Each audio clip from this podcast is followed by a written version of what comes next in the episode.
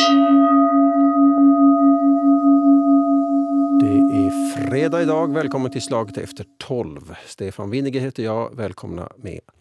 Det här, det här. Eh, I historiens skräckkabinett finns det olika spöken och, och atombomber och Auschwitz och pesten och lite annat. Och en sak som dessutom också har förmåga att skrämma folk än idag, det är också inflationen på något sätt. Alltså den här bilderna från 1920-talet, framförallt i Tyskland då när folk sprang med en skottkärra full med sedlar till, från banken till, till affären för att pengarna tappade värde så fort och så kostade en brödskiva flera miljarder och alla, alla besparingar pulveriserades och alla blev utfattiga. Det, där, det sitter på något sätt i även om vi själva här har uppväxta i allmän välfärd och trygghet sedan länge tillbaka.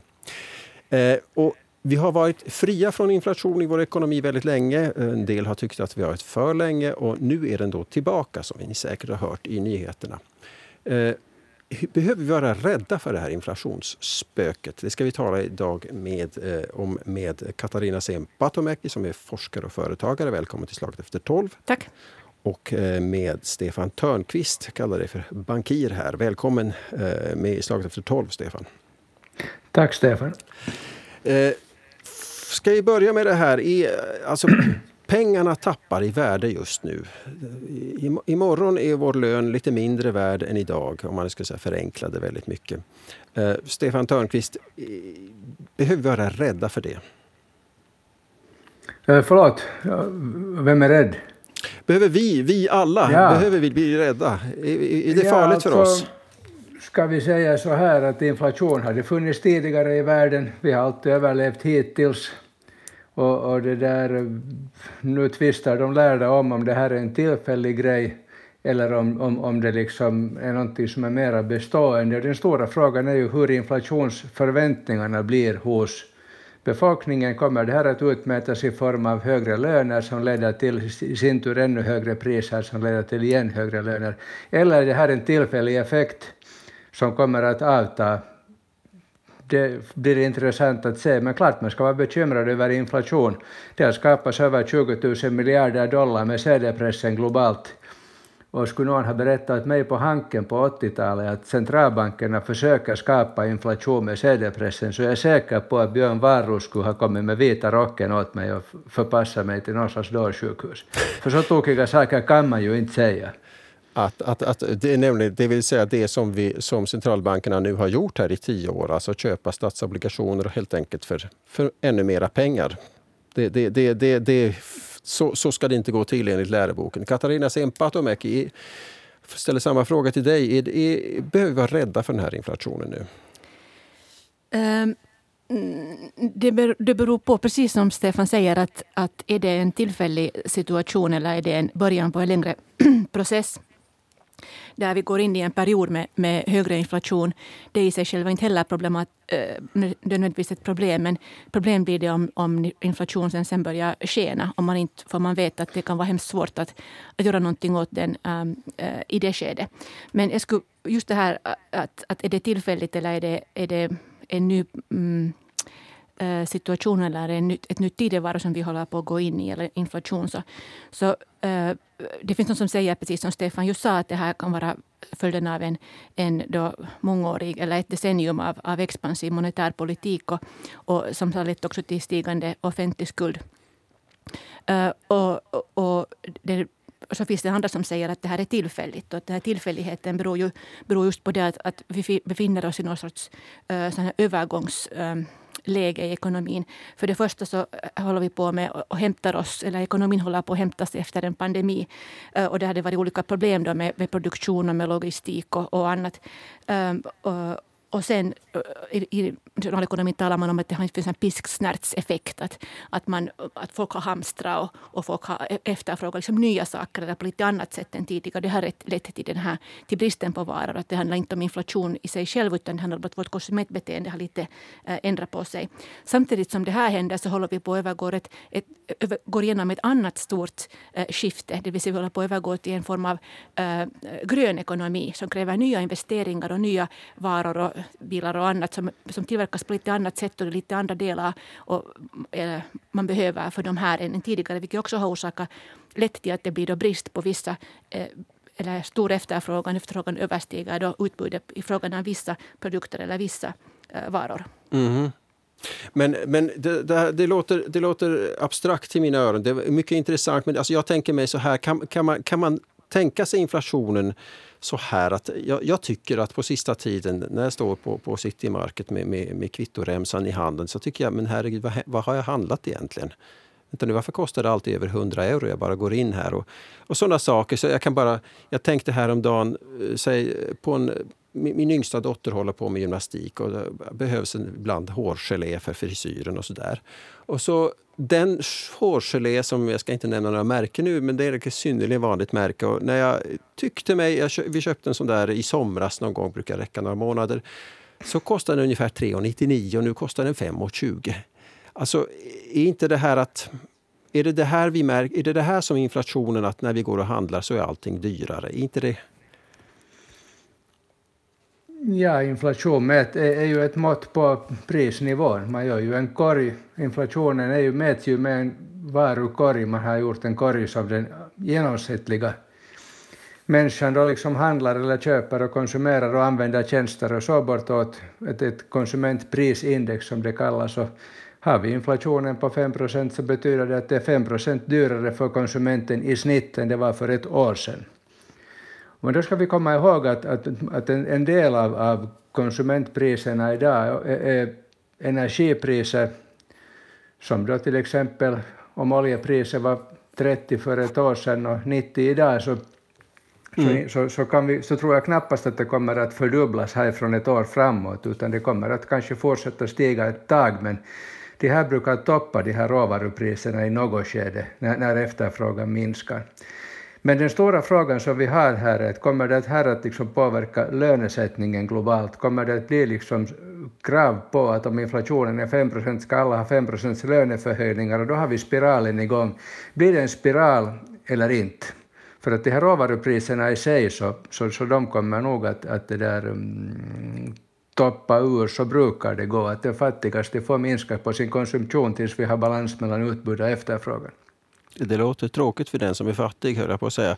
Men, det här, men, men, men om, om, vi, om vi går tillbaka till det du sa, du, du nämnde energipriserna. Det har väl inte undgått någon bilist att bensinen är, är väldigt dyr just nu här, eller diesel mm. om ni kör dieselbil eller vad ni nu tankar. Eh, dessutom har vi ju hört här eh, väldigt eh, mycket om, om, om, att elpriserna är väldigt höga och det lär vara just de, alltså energipriserna som är Eh, är, är väldigt höga just nu och därför sägs det att vi har inflation. Men, men är det inte alltid så att just elen, det är som kallast just nu, Eh, Ryssland håller på och bråkar med Ukraina. Det brukar inte heller vara bra för låga, låga olje och gaspriser. Så att jag menar, vi, har ju helt, vi vet ju varför priserna är höga just nu. Vi behöver elda och, och så vidare och, och, det driver upp de här priserna. Så att, är det inte så, så här, ganska naturligt att det är dyrt med bensin och elektricitet just nu?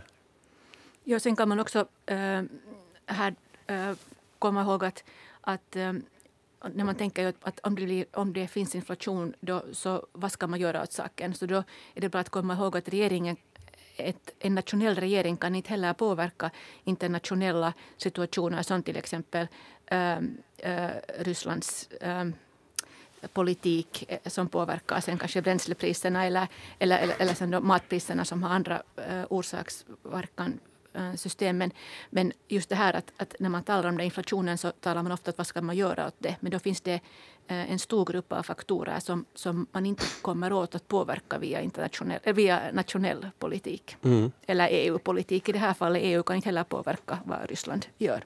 Mm. Men alltså, min, åter, alltså min, min fråga, så här, vi, jag förstår det är kallt, elpriserna är höga och så vidare. Och Ryssland är det många som försöker påverka just nu. Det går ju verkligen inte så bra.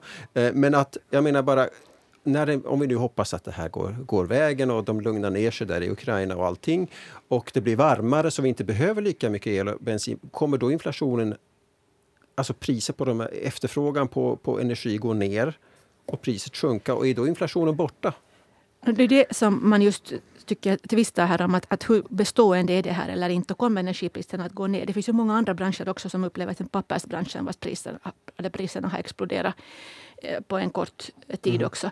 Um, och, och, och, om priserna uh, eller om det inte finns så mycket inflation mer om exempel ett halvt år, så då ska man kanske inte nu heller ta till hela, hela artilleriet, för då, gör man, då kanske man i sig sen stryper ekonomin eller orsakar mycket mer skada åt ekonomin än, än, än annars, mm. tycker jag.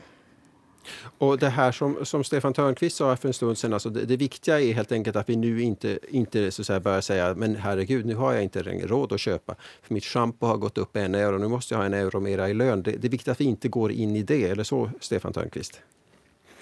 Ja, det är den stora saken här. Jag skulle säga att, att talar vi om, om det där energipriser så, så det där fossila bränslen, olja framför allt och naturgas, men framför allt olja, så där är ligger, där har vi ju ett beklagligt läge att, att globalt har efterfrågan konstant ökat småningom samtidigt som det har kroniskt underinvesterats i oljetillgångar. Och det, fast vi skulle sluta använda olja i EU så kan vi ju inte liksom göra någonting åt det att, att vi har 7,7 miljarder människor idag och 10 miljoner motorcyklister i Saigon drömmer om att köpa en Toyota Corolla istället och få luftkonditionering. Liksom det, eller e, bil. Det är tyvärr så här som, som, som världen ser ut. Så att vi har kronisk underinvestering av fossila fossilkapacitet.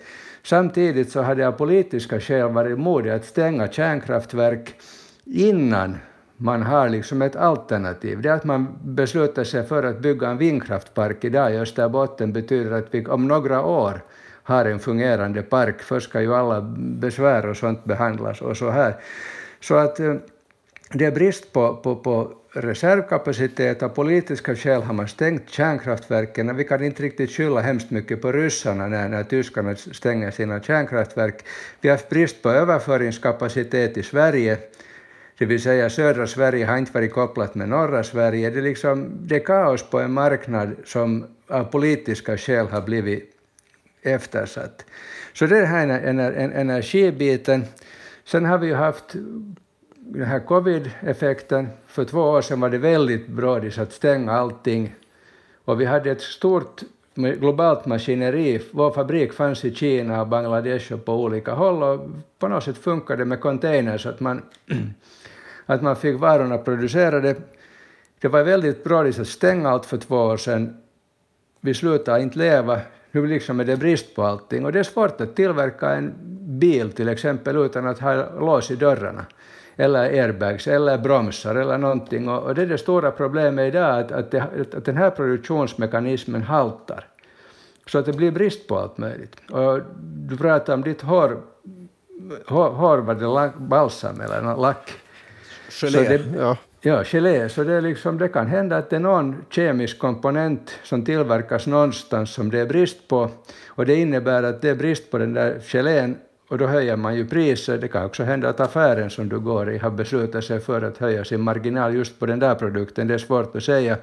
Men det som också har hänt är att man har ändrat på mycket paketeringar, så att om man tittar noga på paketet så är det några gram färre av varan det är ny logo, nytt paket och ny förpackning och allt ser annorlunda ut. Men globala leveranskedjan haltar och det gör att vissa produkter stiger i värde. Det kan till och med vara tomt på hyllorna. Mm. Men det, där, det här är nog på övergående då, om inte ryssarna ställer till det, för att det kan ju nog hända att blir det lite politiskt instabilt, så då kan det vara svårt med den här globala leveranskedjan och då kan vi få inflationstryck på det sättet helt enkelt för att man inte lyckas transportera de här varorna. Allt måste tillverkas mer lokalt. Vi återgår till världen som vi hade före globaliseringen. Huh. Eh, ja, men just det.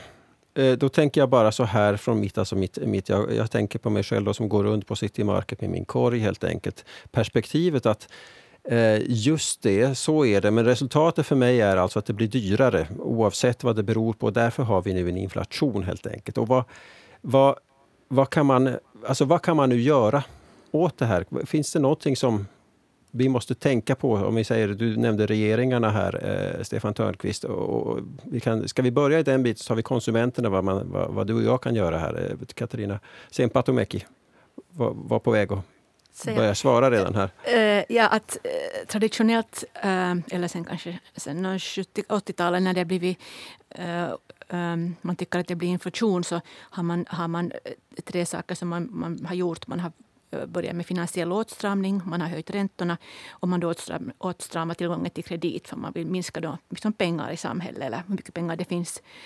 Um, um, men de här, de här eh, åtgärderna har också kostsamma bieffekter.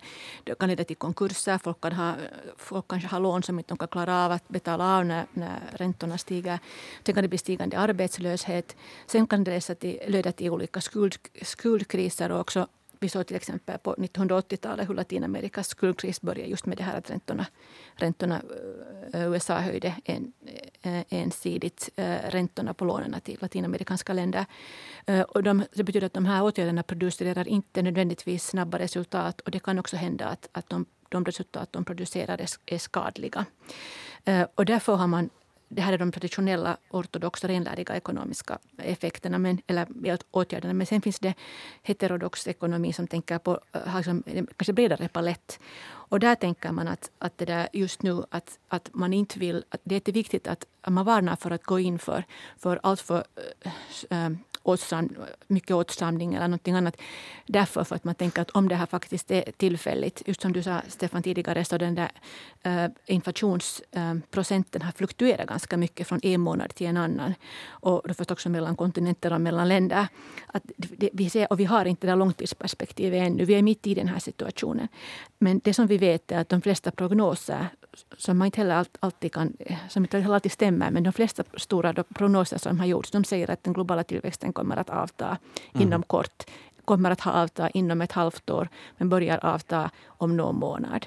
Och om det här håller streck så, så kan det bra hända att den här inflationen är, är liksom mycket tillfällig. Så vill jag nu säga till sist om, om den här ännu att, att alla produkter som kommer med transport, transportkostnaderna har också mm. stigit massor. Och det påverkar ju vår evigaste en produkt som kommer utanför butiken liksom, eller från andra länder. Att där kommer transporttillägget till varje produkt. Men det är inte nödvändigtvis heller sen det att om man tar bort transportavgifterna och så tar man, som är delvis en, en funktion av energipriser, och så tar man bort energipriserna så vad blir det sen kvar? Att, mm. att, det, att det, det det blir mycket intressant och det är också mycket mer komplicerat om man, om man börjar bena ut det här på det här sättet. Mm. Du sa heterodox ekonomi, det har jag aldrig hört talas om. Vad är heterodox ekonomi? Måste jag avslöja här att jag är helt nollställd. Det finns, beror på hur man räknar, men finns det kanske eh, tio skolor inom, inom ekonomisk teori. Och den, den eh, neoklassiska är den som var mest som är den vanligaste eller den som man mest undervisar i handelshögskolor och universitet där man, där man läser ekonomisk teori. Sen finns det många andra skolor inom ekonomisk teori som, som får fram lite andra saker och de är mer marginaliserade men eh, de är inte lika populära men, men de har fört fram en massa andra liksom, argument Bland annat gällande den här saken, men mycket annat också. Är det den neoklassiska eh, Stefan Törnqvist, det var det som, som Björn Badros ville ställa dig i garderoben för om du hade sagt att man kommer med massa, öka penningmängden antag, antagligen. Du ville säga, ja, han, var, du ville komma han, in han, var ju på, han, han, han arbetade ju på Svenska handelshögskolan då. Innan han blev bankir så var han ju liksom professor. Så att det där. Men jag tänkte säga det att, att det där jag håller helt med Katarina att det är för tidigt att uttala sig om den här inflationen är bestående, för ser vi på energipriser så var de ju högre än de är idag för tio år sedan. Vi hade oljepriser på långt över 100 och det där, eh, bara det blir politiskt möjligt att starta kärnkraftverken på nytt i Tyskland till exempel så har vi inte brist på, på, på elektricitet på samma sätt. Vi kan fortsätta att snurra kolkraftverk en stund till. Det är fast på vår politiska vilja vad vi vill göra mm. än så länge. Den stora frågan inflationsmässigt är ju att, att får vi igång den här globala leveranskedjan? Orsaken till att vi har haft så låg inflation de senaste 20 åren finns ju i att, det, att vi har några miljarder människor, framför allt i Asien, som jobbar stenhårt och jobbar billigare än vi och vill såklart få ett bättre liv för sig, vilket de småningom får. Men det innebär att det har alltid funnits någon som har varit villiga att göra saker billigt åt oss, och det är globaliseringen. Vi har pratat med Björn Wahlroos igen som säger att globaliseringen gör att levnadsstandarden fördelas mer rättvist på planeten och det gör det. Den som jobbar hårt så får det småningom bättre. Men får vi igång den här leverans, underleveranskedjorna på nytt så som de fungerar för ett par år sedan före covid, vilket jag tror att vi kommer att få, så får vi nog ordning på den här inflationen också. Mm. Det som är svårare att få ordning på på sikt är ju att, att hur ska vi få stopp på det här otroliga stimulerande och CD-pressen. Vi lever för tillfället på skuld i hela västvärlden globalt Mm. Och, och, det är liksom ett stort bekymmer att vi, vi får i något skede rätta mun efter matsäcken, för just nu så jobbar vi för lite och konsumerar helt enkelt för mycket. Men, men, nu, men, vi är inte där ännu. Men nu vill jag haka på här, för det här har ju liksom, alltså, vi pratade ju här förra året om här EUs då, den här återhämtningsfonden på vad var det nu, 750 miljarder som plötsligen mirakulöst nog fanns att spendera. Som, jag hade gärna tagit lite bidrag jag också. Men de fanns plötsligt och då varnades ju för att helt enkelt, ni kan inte bara släppa ut så här mycket pengar i, i, i, i ekonomierna för det här leder till inflation. Alltså har det, har, och det, menar, USA har gjort precis samma, alla, alla har gjort det här nu, särskilt med, med, med, i samband med pandemin. här. Är det, är, det, är det det vi ser nu? Nu talade ni eh, mycket om leveranskedjor här och, och, och, allt annat. Eh, vilken roll har de här miljarderna som har pumpats ut? Katarina? Jag tycker att äh, en del av orsakerna nog kan finnas i den här expansiva politiken där man har, just som, som du sa, pumpat in miljarder äh, i ekonomin, den globala ekonomin. Alla regeringar har gjort äh, samma sak. Men trots det tror jag att interventionen var riktig och om det blir inflation så, kan det, så är det kanske värt eh, priset för att alternativet hade varit dystert. Eh, speciellt för de mest utsatta eh, i samhället. Men jag skulle också vilja säga att det handlar inte heller, eh, så som jag ser på det, om att inflation eller inte inflation. Att utan hur mycket inflation man, man vill ha, det är ett, ett, ett, politiskt beslut. För att inflationsgraden i samhället påverkar fördelningen av resurser i samhället. Och därför är det viktigt att man, att man diskuterar så att man kommer fram till någon sorts um, förståelse om att hurdan inflation man då eftersträvar. Och nu talar jag om ändå måttlig inflation. Som jag sa tidigare, så skenande inflation tror jag inte att det är någon som, som understöder. Men man kan också säga att den här nollinflationsperioden så, så har, varit, har inte heller fört med sig enbart positiva saker. Det är heller ingenting som, som, som är automatiskt någonting man ska eftersträva. Ehm, och med det här vill jag få fram då det att, att det har varit en, en ny situation på många sätt. Mm, men jag tycker att den expansiva politiken har, har nog, det var det enda, eller Alternativ hade varit jättejobbigt och jag tror att det här var den rätta saken att göra. Men det betyder också att man nu har ett enormt ansvar att styra upp situationen så att det inte, den inte nu börjar, börjar liksom rinna iväg på, av sig själv. Och sen skulle jag nu kunna säga att det är ändå jätteviktigt att, att vi kommer ihåg att allt som händer är gjort av oss människor. Det är mänsklig verksamhet. Det, det är ingen naturkatastrof som, som, som äh, skickar ner inflation till, till planeten. Utan det är allt det här beroende på de politiska beslut som vi fattar. Men det är också därför som det är svårt att säga vad som kommer att hända. För att vi kan ju inte veta vilka politiska beslut som kommer att fattas om tre månader och vilka, vilka regeringar som får vilka konsekvenser. Till exempel, som Stefan nämnde, 2012 beslut av Europeiska centralbanken att att eh, pumpa in pengar. Så det var, det var oerhört. Det var ingenting man kunde förväntas eller eh, tänka det var mot att, läroboken så att säga. Ja, precis. Ja, just ja. det. Att om det är något motsvarande kan också hända åt ett eller annat, åt håll eller annat. Att jag säger inte, det här är inte en kvali, kvalitativ, eh, ett kvalitativt ställningstagande. Det är inte dåligt eller bra. Utan jag vill bara få fram att det kan komma oväntade mm. situationer ännu. Mm. Stefan Törnqvist, är du alltså inne på samma linje att den här inflationen behöver inte vara dålig? No, om vi tittar till exempel på lilla Finland, och vi, vi kommer bort från världsekonomin till lilla Finland, så skulle jag säga att för oss här så innebär ju inflationen ett enastående tillfälle att äntligen få återskapa vår ekonomiska konkurrenskraft. Vi har ju haft det bekymret här i Finland att sen Nokia stod på toppen 2007 och industrin senast tror som nu så höjde vi lönerna för mycket, kostnaderna skenade, vi tillät offentliga sektorn att expandera. Och så kom finanskrisen och så har vi nu haft över tio år utan ekonomisk tillväxt, vilket är en katastrof. Orsaken är den att i ett land som Finland så borde man aldrig få höja lönerna, för man kan inte sänka dem tillbaka sen när vi har nästa lågkonjunktur här. Och det innebär att det enda som ger, efter, ger vika är arbetslösheten. Vi har ett sånt här, ett sånt här läge att, att det har varit liksom väldigt, väldigt, brist på fasta anställningsförhållanden och ganska låg sysselsättningsgrad i Finland och ingen tillväxt heller. Vi har levt på skuld. Nu ska vi hoppas på att vi har en kraftig inflation i världen ett litet tag. Inte, inte, ingenting värre än nu, än 5 procent räcker i Europa. Vi, har ungefär, vi ligger ungefär 20 procent efter Tyskland i, i, i, konkurrenskraft.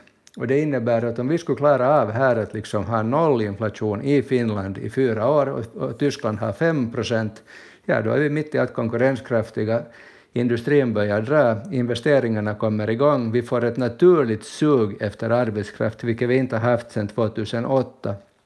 Och det där. Om vi skulle klara av att liksom köra den här högkonjunkturen utan alltför stora liksom kostnadsökningar. Betyder det löneökningar? Det är löneökningar du talar om? Ja, det är ju det att vi, vi har aldrig råd att höja löner i Finland för vi kan inte sänka dem tillbaka sen när det går dåligt nästa gång och det är det som vi ska komma ihåg här. Men skulle vi klara av en högkonjunktur utan alltför stora ökningar så har vi nytta av inflationen i världen för vi kommer äntligen ifatt det som de andra har. Om vi tittar på, på fördelarna med inflation.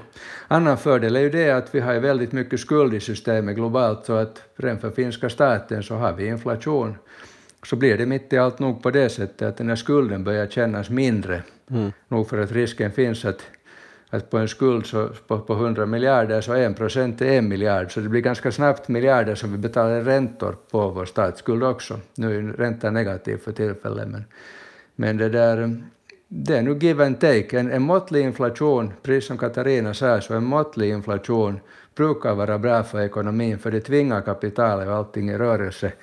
Men det ska nog inte bli högre siffror än vi har idag, de är än på högre sidan. Mm. Och vi ska hoppas att de här är tillfälliga. Eh, det är många som tittar tillbaka nu på 60-, 70 och 80-talets inflationer och, och äh, stagflationer och, försöker, man försöker dra paralleller mm, eller under tittat om det är samma situation eller inte.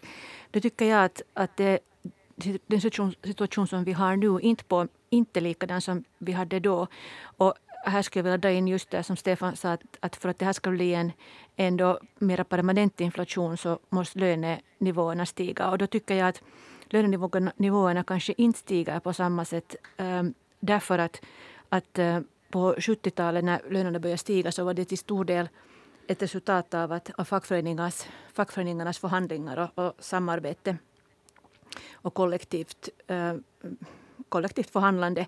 Men sen 1980-talet så har arbetsmarknaden blivit avreglerad och, och många människor jobbar mer med tillfälliga eller man är inte fastanställd på samma sätt. Man har inte samma sorts fackförbund heller kanske alltid bakom sig. De fungerar på ett annat sätt. Sen på grund av eh, investeringar utomlands så, och offshore-aktiviteter så betyder det att, att eh, arbetskraft inte heller har samma eh, efterfrågan som tidigare utan man, man vill ha teknik. Det vill säga arbetstagaren är kanske inte inte lika viktig som den var på 70-talet när man inte hade samma teknologi som man har nu. Det beror förstås på branschen, men så där generellt. Och sen till sist så, så äh, tycker jag att det är intressant att äh, komma ihåg att när man talar att stiga lönerna eller inte, så till exempel den här pandemin i USA, så om man tar ett exempel på att man har tre arbetstagare, en förtjänar då 10 Eh, euro i timmen och en 20 och en 30 euro i timmen. Och så visade det sig att, att de, som, de som har lägre lön, de som har varit som mest utsatta för pandemin, det är egentligen de som har slutat arbeta. Och också eh, mammor som har jobbat halv, halvtidsarbete för att deras barn har blivit hemma från då, skolan. Så de, här, de de personerna som har fått den här 10 euro i timmen slutar arbeta. Så det betyder att de människor som är kvar på jobbet, de som har fått 20 euro och 30 euro i timmen. Och då tycker man att lönen har ju stigit för den här 10 euron finns inte kvar där mera. Men det handlar egentligen inte om att, att lönerna har stigit i sig själv. Utan det handlar om att, att det är ett, ett medeltal av, en, av, ett, av två, helt, två andra eh, segment. Och det här är alltså en statistisk anomalitet som, som också är viktig att komma ihåg när man sen analyserar den här, den här löne, eh, förändringarna i lön, lönenivån, om det finns sådana. Mm. Mm-hmm. Mm. Mm-hmm. Alltså, alltså arbets, arbetsmarknaden är helt enkelt oerhört avgörande. Att vi, att, ja, och, att, att ha ögonen på här och, och, kan man säga facken har en nyckelroll att inte då gå och kräva ja, kompensation men, direkt för, för, för dyrare hårgelé eller vad man Men samtidigt så fungerar både arbetsmarknaden och fackföreningarna på ett helt annat sätt än de gjorde på 60-, 70 och ännu på 80-talet. Att, att det, det, är liksom en ny, man ska ha en liten ny kart, det, det är en ny karta och man ska ha en ny kompass. Mm. Ja, det där med, med, med ny karta skulle jag säga att, att på 60-70-talet så var inte globaliseringen uppfunnen. Jag kommer ihåg som liten pojke så brukade min pappa skälla på Made in Japan och det var liksom sånt som var jättebilligt och dåligt. Och det gör, sker, sker, så kom det Made in Hongkong och Made in Taiwan och det är nog inga u-länder idag och Made in China håller också på att bli ganska ja, politiskt det är inte så vackert, men att ska vi säga kvalitetsmässigt börjar det bli helt okej. Okay. Så när vi tittar på, på världen idag och, och de här lönekraven och, och kostnadsökningarna, så den stora frågan är ju att får globaliseringen fortsätta, det vill säga har vi vår fabrik fortsättningsvis i billiga länder runt omkring i världen, eller kommer det liksom fortsättningsvis att halta med de här globala leveranskedjorna, för då har vi nog snabbt inflation. Jag menar facken här kan inte riktigt pressa åt sig så mycket löneförhöjningar, för det som händer omedelbart är att fabriken flyttar till Rumänien eller Polen eller Kina eller vart som helst. Det är ju ingen sak för världen, att, för kapitalet att så att säga omförflytta sig och, och välja då lägre, lägre ställen med lägre kostnader och bättre logistik och le, bättre leveranskostnader och så här. Så, så att den stora frågan i inflationssnacket här är ju nog, tycker jag, att man måste ha en ny karta och tillåter vi att globaliseringen fortsätter eller inte? Det kan ju hända att om Kina börjar intervenera i Taiwan till exempel så kan det bli ganska stor brist på halvledare i mm. världen. Om Putin börjar rådda i Europa så mitt i allt så är via Baltika stängd och då är det ganska stor sak för oss i Finland, för det, det, om, om, man tittar på vad det är för långtradare här i huvudstadsregionen så, så är det ganska mycket utländska registerplåtar mm. nog och de kör, kör nog för mycket billigare pengar än våra inhemska åkare. Mm. Så det här är väldigt många politiska beslut som kommer att styra åt vilket håll det drar. Men måste få ännu nu här använda några minuter här i slutet av slaget efter tolv här så att, till att kan vi tala nu om det som, som, som gäller liksom eh, mig som småsparare. Om jag nu har 1240 euro på sparkontot här, måste jag ta ut dem nu och köpa något som jag tycker håller värdet för att jag är rädd för att pengarna är mindre värda. Jag vet inte om det är silverbestick eller en guld, guldmynt eller vad jag ska köpa. eller sånt där. Är, är det, finns det sådana risker just nu med den här inflationen att, att jag behöver vara orolig för att mina sparpengar försvinner? Ska jag fråga Stefan Törnqvist, du är bankman. Ja, du frågar mig. Ja. Ska vi säga så här att 1240 euro behöver du sannolikt för att köpa hårgelé och mat och tanka bilen och betala hyran och telefonräkningar och sånt. Så jag skulle nog hålla dem på konto bara för att de går åt så att säga.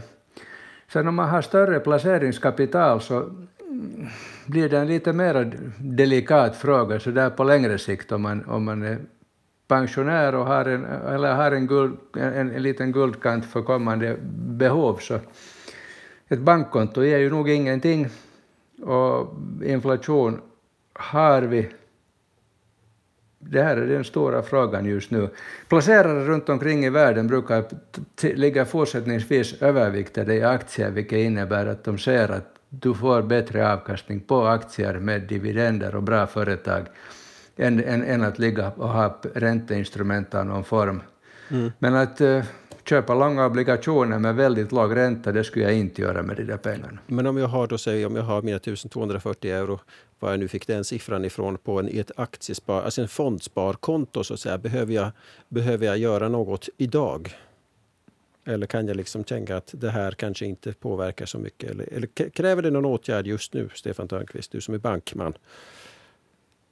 Jag, jag tycker inte att det kräver någon åtgärd. Jag har mina pengar som jag, som jag har på längre sikt så har jag, har jag fast i aktier fortsättningsvis.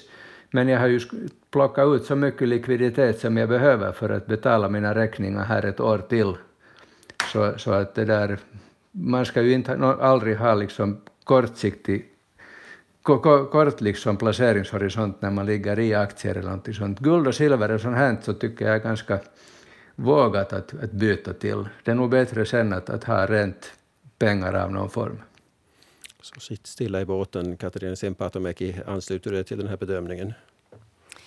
Eh, ja, det är ju först efteråt som man vet när man borde ha tagit ut pengarna från, från aktie, aktiekontot. Eller, så där att det, det kan vara lite... Eh, det är, hemskt, det är en svår, svår sits. Det är just därför också som aktiemarknaden, eller delvis därför som aktierna har gått upp i pris så mycket. För det har inte funnits så mycket alternativa investerings eh, eller objekt med bra avkastning.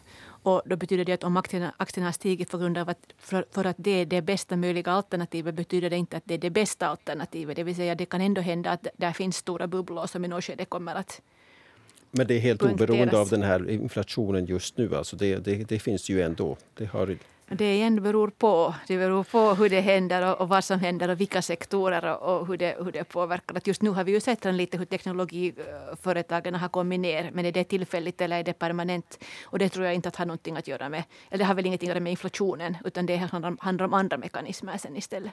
Mm. Det här att få handfasta råd från, från två ekonomer, det, det är svårt kan jag säga. Varsågod. Jag, jag har försökt där. Eh, det här är Slaget efter tolv. Vi sätter stopp här för idag. Stefan Windiger heter jag. Tack så mycket till Stefan Törnqvist, bankir och till, till Katarina Sempatomäki, forskare och företagare. Tack, Tack för att mycket.